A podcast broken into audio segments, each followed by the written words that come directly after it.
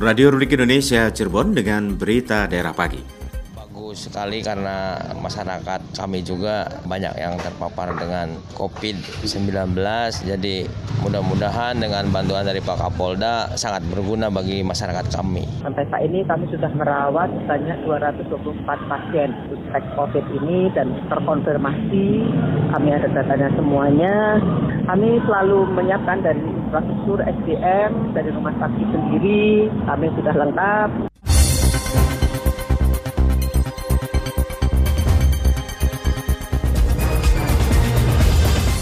Sebelum kami hantarkan keseluruhan rangkaian berita daerah pagi, kami hantarkan terlebih dahulu rangkaian sari berita di antaranya. Tempat tidur ruang isolasi pasien COVID-19 di Rumah Sakit Kota Cirebon hampir penuh. Bantu korban terdampak pandemi COVID-19, Polresta Cirebon menyalurkan bantuan sembako. Bersama saya, Pian Alwansa, inilah berita daerah selengkapnya.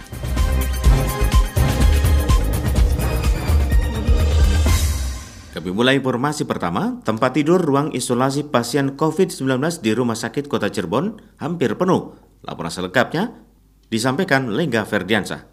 Kapasitas tempat tidur ruang isolasi pasien COVID-19 di Rumah Sakit Kota Cirebon hampir penuh. Tersisa hanya 12 bed yang ada di rumah sakit pemerintah. 12 yang tersisa tersebut berada di Rumah Sakit Daerah Gunung Jati dan Rumah Sakit Ciremai. Selebihnya, rumah sakit swasta yang punya fasilitas isolasi COVID-19 sudah tidak bisa menerima tambahan pasien lagi karena penuh. Demikian dikatakan Kepala Dinas Kesehatan Kota Cirebon Dr. Edi Sugiarto MKes kepada RRI melalui telepon selulernya kemarin. Dikatakan Dr. Edi Sugiarto jika ada penambahan kasus positif yang masih masif lagi ke depannya, maka untuk sementara pasien yang membutuhkan isolasi atau perawatan akan ditransit ke gedung Pusdiklat BKKBN yang masih tersedia 38 bed isolasi. Ya sampai saat ini sih siap-siap aja, cuma mm -hmm. jangan saya meledak lah. Sih, kurang lebih sekarang sih udah banyak yang pulang sih yang sehat, udah banyak yang keluar, jadi sekarang udah masih ada kosong 12, 12 tempat tidur. Untuk OTG dengan gejala ringan dan sedang, itu bisa isolasi mandiri tidak perlu ke rumah sakit itu antisipasinya. Dikatakan Edi Sugiarto, gugus tugas percepatan penanganan COVID-19 Kota Cirebon, sejak awal menyiapkan opsi gedung Pusdiklat BKKBN Jalan Sudarsono. Gedung ini difungsikan sebagai ruang isolasi ketika rumah sakit overload. Lengga Ferdiansa melaporkan.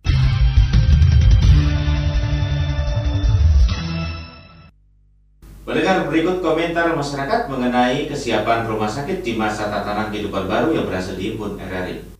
Khalid dari Kedaung Cirebon, profesi saya sebagai mahasiswa. Komentar saya terkait jumlah corona yang terus meningkat, namun bed atau ruang isolasi di rumah sakit yang hampir penuh. Tanggapan saya adalah pemerintah harusnya terus menyediakan tempat-tempat yang representatif untuk isolasi mandiri, entah itu Baperkam, RT, RW, ataupun kelurahan setempat yang bisa mungkin dijadikan sebagai ruang isolasi mandiri. Karena apa? Bagi masyarakat yang mampu untuk mengadakan isolasi mandiri, maka dia dia cukup di rumahnya saja. Tapi kan bagi masyarakat yang tidak mampu tentunya jangankan ruang isolasi, tempat tinggal saja masih susah. Oleh karena itu, tempat tinggal isolasi mandiri itu harus dijamin oleh pemerintah. Bagaimana tempatnya ketika tempat ruang isolasi di rumah sakit penuh? Ya gitu, wali kota atau pemerintah daerah membuat surat edaran, ini mah hanya saran dari warga, agar RW-RW, Baperkam-Baperkam maupun kelurahan bisa menjadi ruang isolasi mandiri bagi warga yang tidak mampu. Nama saya Nilawati, Ketua RW 7 Pulau Baru Selatan, Kelurahan Pelasaren, Kecamatan Pekalipan, Kota Cirebon. Terkait tempat isolasi COVID-19 di rumah sakit hampir penuh, saya kira dinas terkait secepatnya mencari solusi yang terbaik dengan mencari tempat yang sekiranya bisa untuk dijadikan tempat isolasi dan betul-betul aman dan nyaman untuk pasien COVID-19. Terima kasih. Assalamualaikum warahmatullahi wabarakatuh.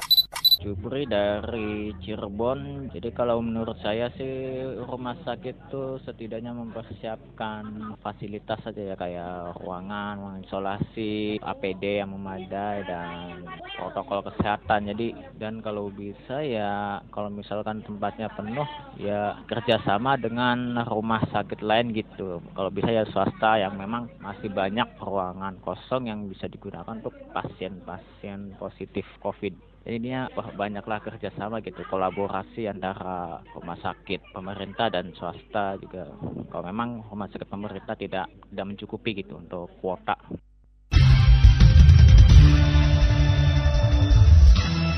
Untuk membahas lebih lanjut mengenai kesiapan rumah sakit di masa tatanan kehidupan baru, kita akan ikuti wawancara reporter Aji Satria dengan Wakil Direktur Pelayanan Rumah Sakit Umum Daerah Walet, Kabupaten Cirebon, Dwi Sudarni. Assalamualaikum warahmatullahi wabarakatuh, Ibu Dwi Sudarmi.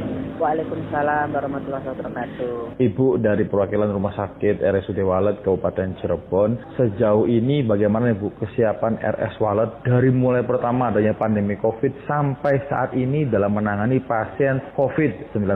Silakan Bu. Terima kasih. Kami dari Rumah Sakit Walet sejak bulan Februari kami sudah merawat pasien suspek ya, EDP COVID hmm? di tanggal 27 kami sudah merawat satu orang pasien. Selanjutnya pertengahan Maret itu kami sudah mulai banyak merawat. Kami mempunyai ruang isolasi tadinya kami punya ruang sofa itu ruang isolasi dengan tujuh bed. Hmm? Akhirnya kami menambah lagi menjadi 15 bed dengan ruangan yang terstandar. Maknanya ruangan-ruangan kami sudah lengkap bertekanan negatif. Saat ini kami memang baru 18 yang kami sediakan. Sampai saat ini kami sudah merawat sebanyak 224 pasien suspek COVID ini dan terkonfirmasi kami ada datanya semuanya. Kami selalu menyiapkan dari infrastruktur SDM, dari rumah sakit sendiri, kami sudah lengkap. Pemeriksaan RT-PCR juga sudah sudah dilakukan di Rumah Sakit Balet dengan bantuan dari APD 2 kami mendapatkan mesin RT-PCR untuk pemeriksaan swab juga ada pemeriksaan rapid juga di Rumah hmm. Sakit Balet. Sudah SDM kami lengkap, kami punya dokter penyakit dalam, punya dokter spesialis paru, kami juga punya dokter mikrobiologi klinik. Selanjutnya juga kami kembangkan juga isolasi tadi. Di ruang UGD juga ada dua bed, dua ruang maternal kita punya tiga bed untuk penanganan pasien COVID ini. Kami berencana menambah ruangan perawatan eh, sekitar 16 bed lagi, cuman kami baru menunggu perpindahan ruangan perawatan Bugenville ke ruang perawatan di atas ruang ID. Nah, sedang persiapan insya Allah minggu depan itu final selesai. Ketika ruang ID di lantai 2 ini sudah selesai, kita akan tambah lagi 16 bed lagi. Iya, Ibu melihat kondisi saat ini yang terus bertambah, kasus terkonfirmasi positif. Hmm. Nah, ini sejauh ini adakah yang langsung perujukannya khusus ke rumah sakit Walet atau bagaimana, Bu? Kami menerima rujukan dari mana pun ya dari wilayah Kabupaten Cirebon bahkan luar hmm. Kabupaten Cirebon juga ada kemarin juga kami mendapatkan rujukan dari Jakarta itu ada konfirmasi tiga orang pasien dari rumah sakit Siloam nah dari sekitar pastilah ke rumah sakit alat ya di hmm. Cirebon wilayah Timur bahkan awal-awal kami itu menerima rujukan dari rumah sakit di kota itu masuk ke Walet dan alhamdulillah sampai sembuh dan sekarang kami alur pasiennya sudah semakin cepat karena hmm. kami sudah punya eh, alat pemeriksaan siap sendiri. Dan kemarin juga kami menerima rujukan juga dari wilayah kabupaten tapi yang di pertengahan ya di pertengahan Kabupaten Cirebon karena rumah sakit tersebut untuk suatu instalasi khusus sementara sehingga pasien tersebut dirujuk ke uh, rumah sakit kami. Bahkan dari rumah sakit Labuan pun juga ada yang dirujuk ke rumah sakit kami. Dari ratusan pasien yang dirawat total yang sudah terkonfirmasi sembuh dengan segala macam pengobatan khusus yang dilakukan oleh Rumah Sakit Walet, semua prosesnya ini ada berapa nih, Bu Dwi? Yang terkonfirmasi itu ada 36 pasien. Sembuh ya, Bu? Dari dua, uh, uh, tapi ada dua yang meninggal ya, karena memang hmm. kasusnya memang sudah parah sekali sehingga uh, tidak pasien itu tidak kuat sehingga akhirnya pasien itu meninggal. Ibu, secara menyeluruh nih Bu, himbauan untuk masyarakat ya Bu, ini kan masuk adaptasi kebiasaan baru, namun juga COVID ini masih mengincar. Apa nih Bu, himbauan dari Ibu? Yang pertama ya pastilah himbauan sesuai dengan dari kami kesehatan dari WHO ya selalu pakai masker bila keluar rumah, dikasih testing, social distancing, jaga jarak, langsung juga sehat cuci tangan. Itu yang harus kita lakukan dan masyarakat mohon untuk tertib mengikuti aturan-aturan dari pemerintah bahkan dari organisasi kesehatan dunia supaya pandemi COVID ini segera berlalu karena ketika masyarakat tidak taat pada protokol kesehatan penyakit ini akan tidak henti-hentinya ya lalu kayak berantai ya menular hmm. satu yang lain ke yang lain ya jadi saya mohon kepada masyarakat taati protokol kesehatan untuk penanganan penanggulangan COVID ini. Oke, baik. Ibu, terima kasih nih, Bu. Assalamualaikum warahmatullahi wabarakatuh. Waalaikumsalam warahmatullahi wabarakatuh. Mendengar topik kesiapan rumah sakit di masa tatanan kehidupan baru akan kami hadirkan dalam dialog pagi mulai pukul 8 sampai dengan pukul 9 waktu Indonesia Barat ini. Dan beralih ke berita lain, kasus COVID-19 di kota Cirebon terus meningkat. Total pasien positif COVID-19 sehingga kemarin mencapai 108 kasus, 41 pasien di antaranya masih menjalani perawatan dan isolasi mandiri. Situs resmi Pusat Informasi COVID-19 Kota Cirebon menyebutkan penyebaran pasien positif COVID-19 di Kecamatan Kesambi Harjamukti, Kejaksan, Lemah Wungkuk, dan Pekalipan.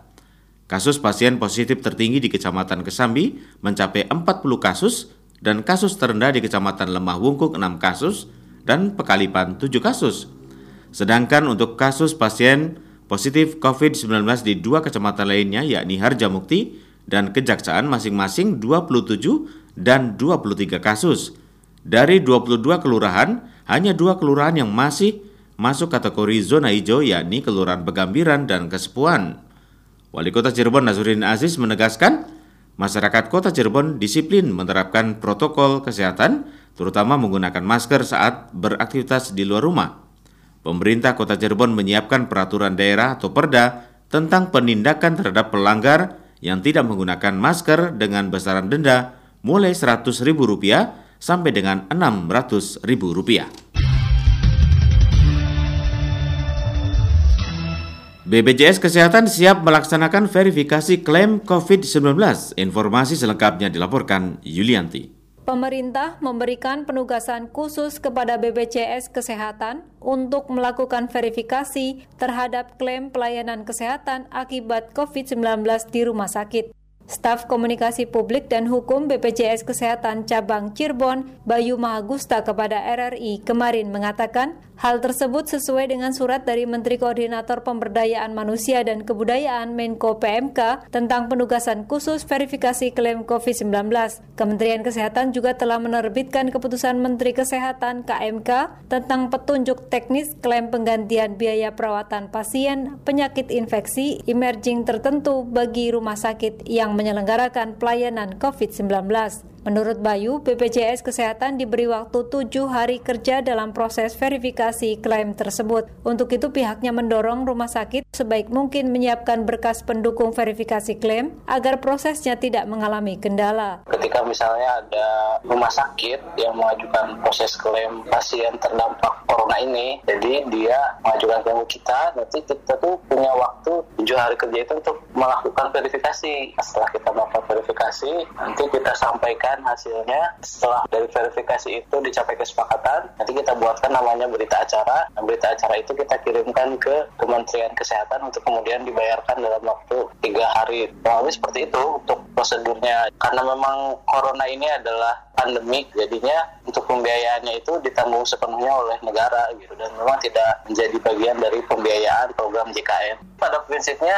karena kita sudah diberikan tanggung jawab, diberikan tugas untuk melakukan verifikasi, nah kita lebih menekankan kepada rumah sakitnya agar dapat melengkapi administrasi pengajuan klaimnya itu selengkap mungkin agar proses verifikasinya itu berjalan tepat waktu sehingga tidak ada kendala. Bayu Mahagusta menambahkan, sumber pembiayaan klaim pasien COVID-19 berasal dari DIPA Badan Nasional Penanggulangan Bencana dan atau sumber lainnya yang sesuai dengan peraturan perundang-undangan yang berlaku. Dalam hal pasien sudah membayar biaya perawatan, maka rumah sakit harus mengembalikannya. Sedangkan masa kadaluarsa klaim adalah tiga bulan setelah status pandemi atau wabah dicabut oleh pemerintah. Adapun kriteria pasien yang dapat diklaim biaya perawatannya adalah pasien yang sudah terkonfirmasi positif COVID-19, kontak erat, dan kasus suspek yang berusia di atas 60 tahun dengan atau tanpa penyakit penyerta, serta kasus suspek usia kurang dari 60 tahun dengan penyakit penyerta, baik itu WNI ataupun WNA, yang dirawat pada rumah sakit di wilayah Negara Kesatuan Republik Indonesia. Kantor Setda pemerintah Kabupaten Cirebon di lockdown.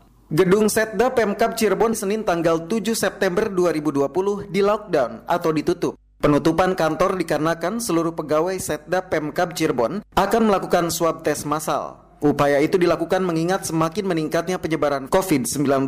Langkah tersebut juga berkaitan dengan adanya dugaan lima orang pegawai Setda pada bagian hukum yang terkonfirmasi COVID-19.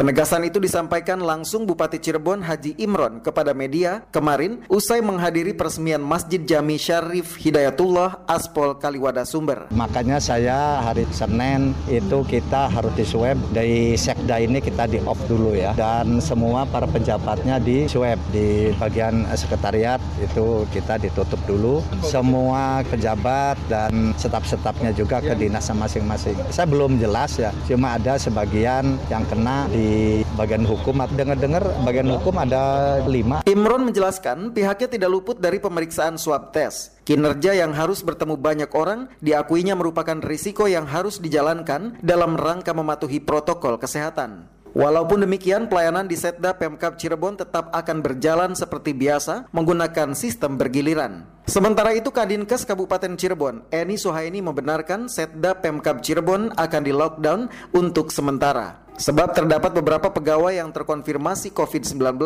Namun menurutnya masyarakat tidak perlu khawatir karena tracing yang masif akan semakin banyak mendeteksi penyebaran COVID-19. Terus aja gitu berantai gitu kan. Kalau kita menemukan yang positif, tracing lagi, yang positif, tracing lagi gitu. Jadi itu kebanyakan kontak erat terus yang ada dari pelaku perjalanan, ada yang memang yang tes masif ya. Cuma kebanyakan di antaranya kontak erat hasil tracing berarti. Eni memastikan Pemkap Cirebon akan terus melakukan tracing ke semua orang yang pernah melakukan kontak erat dengan kasus terkonfirmasi positif COVID-19. Pelacakan yang terus-menerus dilakukan akan menambah pasien yang terkonfirmasi COVID-19. Lonjakan konfirmasi COVID-19 pada hari Sabtu tanggal 6 September paling tinggi yang pernah terjadi di Kabupaten Cirebon. Tercatat hari itu ada 49 warga Kabupaten Cirebon yang dinyatakan positif virus corona. Sementara Pusat Data Informasi COVID-19 Kabupaten Cirebon kemarin mendata terjadi penambahan kasus baru sebanyak empat orang dan satu di antaranya dokter spesialis THT dari klaster Kecamatan Pleret. Total jumlah kasus COVID-19 di Kabupaten Cirebon mencapai 332 kasus. Nono Kartono melaporkan. Hasil pelacakan kasus kontak erat dari terkonfirmasi positif COVID-19 yang diindikasi tersebar di Kabupaten Cirebon merupakan langkah masif Pemkap Cirebon untuk mendeteksi kasus COVID. Sehingga hal itu menjadi pijakan bagi Pemda untuk melangkah dan mengambil keputusan ke depannya. Demikian ungkapkan juru bicara gugus tugas percepatan penanganan COVID-19 Kabupaten Cirebon, Nanan Abdul Manan kepada media kemarin terkait Kabupaten Cirebon masuk zona merah. Kalau memang hasil sebarannya terdapat di seluruh kecamatan berwarna merah berarti ada di masing-masing kecamatan terdapat kasus terkonfirmasi. Selama ini pemerintah Kabupaten Cirebon sudah berupaya untuk kegiatan penegakan disiplin terhadap pemutusan mata rantai penyebaran COVID-19 yang leading sektornya nanti langsung oleh eh, Satpol PP. Banyak beberapa faktor, mungkin kesadaran masyarakat merasa bahwa AKB ini bebas bertanggung jawab. Ya. Melonjaknya kasus terkonfirmasi positif COVID-19 di Kabupaten Cirebon, tegas Nanan Abdul Manan, hal tersebut menjadi pekerjaan rumah bersama dan yang terpenting adalah gugus tugas di level desa harus lebih aktif karena mereka ujung tombak yang terdekat dengan masyarakat. Polresta Cirebon menyalurkan bantuan sembako bagi korban terdampak pandemi COVID-19. Laporan selengkapnya disampaikan Aji Satria. Lele, beras, Indomie, telur, Itulah daftar isi sembako bantuan yang diberikan oleh Polri kepada masyarakat para korban terdampak pandemi COVID-19 di wilayah hukum Polresta Cirebon atau Kabupaten Cirebon. Bantuan tersebut langsung diberikan oleh Kapolda Jawa Barat Irjen Polisi Rudi Sufahriadi didampingi Kapolresta Cirebon, Kombes Pol M. Syahdudi kepada perwakilan Babinsa dan Babin Kamtibmas serta salah satu perwakilan kepala desa usai sebelumnya melakukan panen lele terlebih dahulu dari program ketahanan pangan yang dilakukan oleh Polri di Kabupaten Cirebon. Kepada RRI, M. Fadilah, Kepala Desa Girinata, Kecamatan Dukuh Puntang, Kabupaten Cirebon pada hari Minggu kemarin, usai menerima paket bantuan sembako mengapresiasi semangat Polri dalam memberikan bantuan kepada para keluarga terdampak COVID-19 di wilayah Cirebon. Ya tanggapannya sih ya bagus sekali karena masyarakat kami juga banyak yang terpapar dengan COVID-19 jadi mudah-mudahan dengan bantuan dari Pak Kapolda sangat berguna bagi masyarakat kami. Dapat apa aja tadi? Lele, beras, Indomie, telur. Rencananya dibagi ke ke masyarakat ya. yang membutuhkan. Kapolda Jawa Barat Irjen Polisi Rudi Sufahriyadi menegaskan, Polri dan TNI akan selalu hadir membantu masyarakat dalam segala hal apalagi di masa pandemi COVID-19.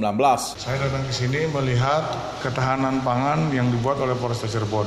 Rekan-rekan sudah lihat semua, hari ini dari mulai memberi makan, menanam benih, dan panen, melihat sayur-sayur, luar biasa.